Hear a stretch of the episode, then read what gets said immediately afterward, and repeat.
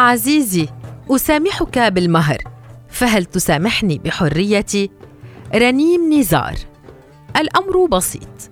مسلسل من عدة حلقات تعرض على منصة عربية متقن بشكل متماسك بأداء تمثيلي لا مثيل له وإدارة جديدة تفضح الحقائق بلا خوف وينتقل بين المشاهد بخفة ويترك الذهول في عقل المشاهد.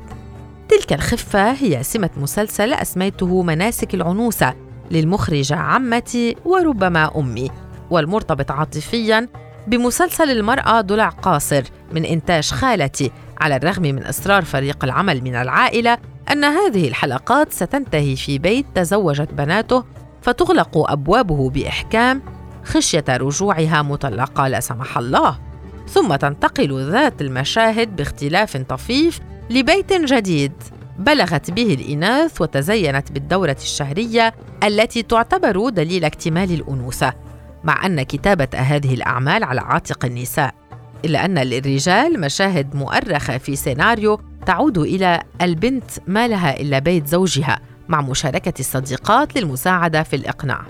هربا من قصة حب فاشلة ومن أيام مريرة من الأحزان وبرك الدموع والأشواق والانتظار الذي تختار بعده بعض الإناث الرضوخ أمام الواقع المرير والقبول بمهزلة زواج الصالونات أو ما يسمى بالزواج التقليدي في الوقت الذي يقبله بعضنا رغما عن التناقض الذي يلغي ما وصلت له هذه المرأة من الحداثة الفكرية والمعلوماتية لاغية به رغباتها وقناعاتها بعيدا عما سيؤول إليه هذا السلوك نتيجة الصدمة العاطفية التي قلبت موازين أفكارها.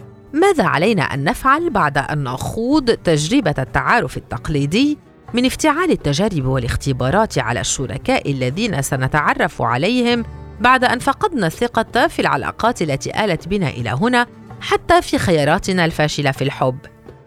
كان يوما مكررا من أيام شتاء 2021 في أحد صباحات الدوام الذي كنت أخوض به معركة ضد الصدمة العاطفية التي تعرضت لها آنذاك موجة العدائية التي حاربت بها نفسي لكي أستعيد قدرتي على الاندماج في حياة بلا حب. من نهاية عام 2020 أي شتاء كامل لامرأة حساسة مجروحة من الحب. في يوم عادي أستقبل به المراجعين في مكتب أتشارك به مع عدة زملاء وزميلات استقبلت شابا أنهيت معاملته لم تمر عشر دقائق حتى جاءت امرأة ستينية تستجوبني ابتدأت بسؤال متزوجة كم عمرك؟ كان ردي جافا حينها إلى أن بدأت زميلتي بالمكتب التي على علم مسبق بفاجعة الفراق التي أذبلت اخضرار شبابي بالرد على أسئلة تلك المرأة. وللأسف أجبرتاني خجلا على إعطاء رقم تليفون أمي.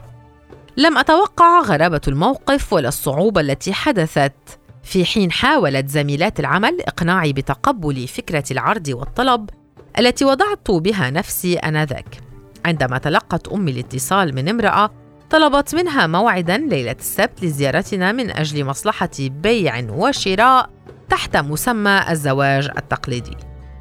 جاء السبت وأخبرتني أمي أن امرأة أجرت معها اتصالا لتطلب زيارتنا.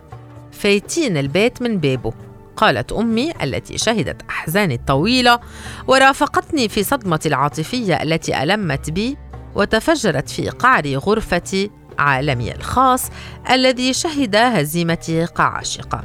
نزلت عبر درجات منزلنا نحو غرفة الجلوس بعد ساعة وأكثر من حضور تلك الخالة التي لا أعرفها ومعها شاب في أوائل الثلاثينيات أيضا لا أعرفه. لتطرق وإياه أبواب منازل المدينة وتتفحص بضاعة كل عائلة بتمعن لتعثر على طلبها فتاة بكر جميلة متعلمة وموظفة وربة بيت بعد ساعات العمل الطويلة ومطيعة لها لسان يأكل ولا يتكلم وآخر اليوم جاهزة لتعطي زوجها حقه الشرعي من جسدها الشاب. كل هذا وهي أم لشاب لا يمتلك مواصفات خارقة بل هو مجرد رجل تقليدي يعمل في إحدى الوظائف الحكومية. لا يملك شهادة جامعية وكل ثقافته تتكون من أوامر الأعلى منه ومن حاضر يقولها كل الأوقات ثم يطلب امرأة وزوجة تخدم أوامر الرجولة التي يطمح بأن ينعم بها. شرد ذهني حينها في النظرة الشرعية التي جلست فيها معه في المرات التي حثثت بها النساء على أن تستفسر عن الأفكار والمعتقدات والآراء في أكثر المواقف حدة في فترات التعارف بدلا من طرح أسئلة سطحية آه، مثل بتحب الملوخية ولا المقلوبة؟ وألا تقبل بزوج يطرح عليها سؤالا في صالون أهلها كم مرة بدك تزوري أهلك بالشهر؟ الأولى أن نطرح أسئلة حول التحرش وزواج القاصرات وقيمة المرأة وألا نخجل من السؤال حول الحالة النفسية للشريك المحتمل عن رأيه بتعدد الأديان وتعدد الزوجات عن الأدوار الجندرية عن معنى الزواج عن تحديد النسل واللا إنجابية عن الذكورية والنسوية وعن عمل المرأة عن الجماعات الإرهابية والزواج المدني والمساكنة والانتماءات الدينية والمعتقدات التي يؤمن بها ومدى تقبله للآخر مهما اختلف رأيه وتوجهاته ومعتقداته ودينه عنه. وعن مسببات العنف الأسري عن مواقفه إزاء المثلية الجنسية والجنس الثالث. هذه الأسئلة التي يجدر بنا طرحها. فكل النساء اللواتي ركضن خلف طموحهن وفتهن قطار الزواج أنجبن ذواتهن بكامل عذريتهن. ما يحكم الزواج عندنا هو عادات القبيلة وقوانينها المؤبدة. فما كان علينا أنا وهو سوى أن نتصفح كتاب قوانين الزواج ومساراته فوجدت نفسي وإياه نواجه ما لم نتفق فيه عليه من هذه القوانين السخيفة التي ستلعب دورا في مجرى حياتنا. حتى وإن اخترنا بعضنا عن حب سنجد نفسنا أمام أسئلة من نمط من يجب أن يصرف على البيت. وعلى من تقع تكاليف الزواج؟ وهل يؤمن كلانا بالمهر كتسعير للمرأة؟ من المسؤول عن العمل خارج المنزل وعن الأعمال المنزلية؟ هذا ما كاد يضعنا أمام أدوار محددة مسبقا قد لا يرغب أحدنا بتأدية شيء منها. يجب أن ينتهي زواج الصالونات أو الزواج التقليدي. فلا أرى به إلا جينا هجينا لتناقل العادات والتقاليد التي تجعل مني أنا العروس خاضعة لأوامر الرجل الذي لا أعرفه ولا يعرفني. وقد اختارني كسلعة تفقدها جيدا ثم قبل بها ظاهريا فدفع لها القليل من المال على هيئة مهر مقدم لزوجة مطيعة طيلة السنين الباقية.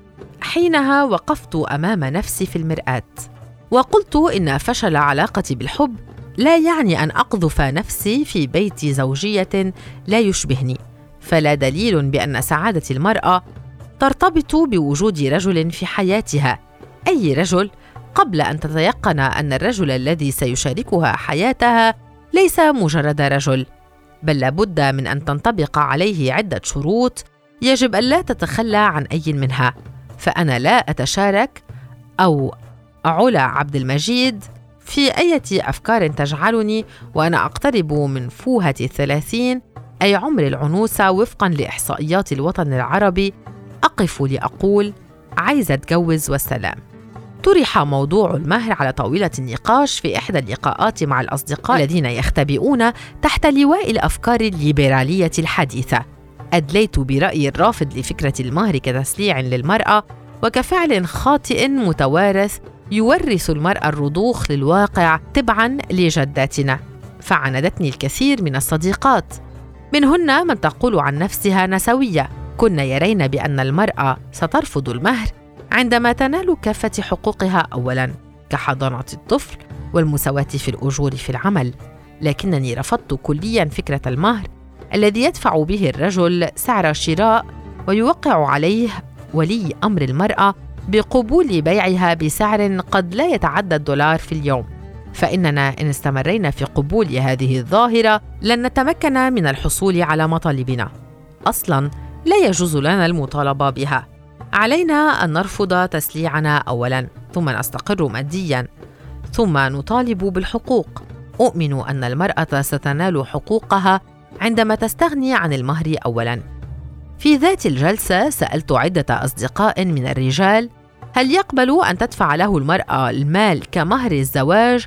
وتبادل الأدوار بين الرجل والمرأة بحيث تكون المرأة ربة البيت وولي الأمر والمسؤول الأول عن المنزل لينال بعدها الترقية وكل تلك المناصب وفوقها جائزة المهر الذي ستدفعه المرأة للرجل فكانت إجابة كل الرجال بلا كبيرة.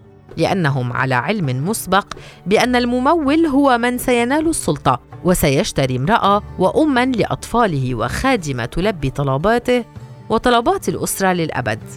أؤمن بأن استقلالي المادي وإيماني الراسخ بأني كاملة بلا زواج وعدم قبولي لأي من أفعال المجتمع الذي يساهم في تسليع المرأة. كل هذا يتيح لدي القدرة لمواجهة مجتمع يحاول منذ الأزل وبكل الطرق فرض نمط معين من الحياة على الجميع فيعطي الرجل السلطة والنفوذ والقوة ويسلب ذلك مني.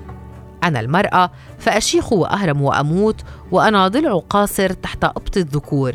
حتى وإن وصم اسمي بعد أن اخترت وشريكي الخروج من عن هذا النمط بأني امرأة ناشز.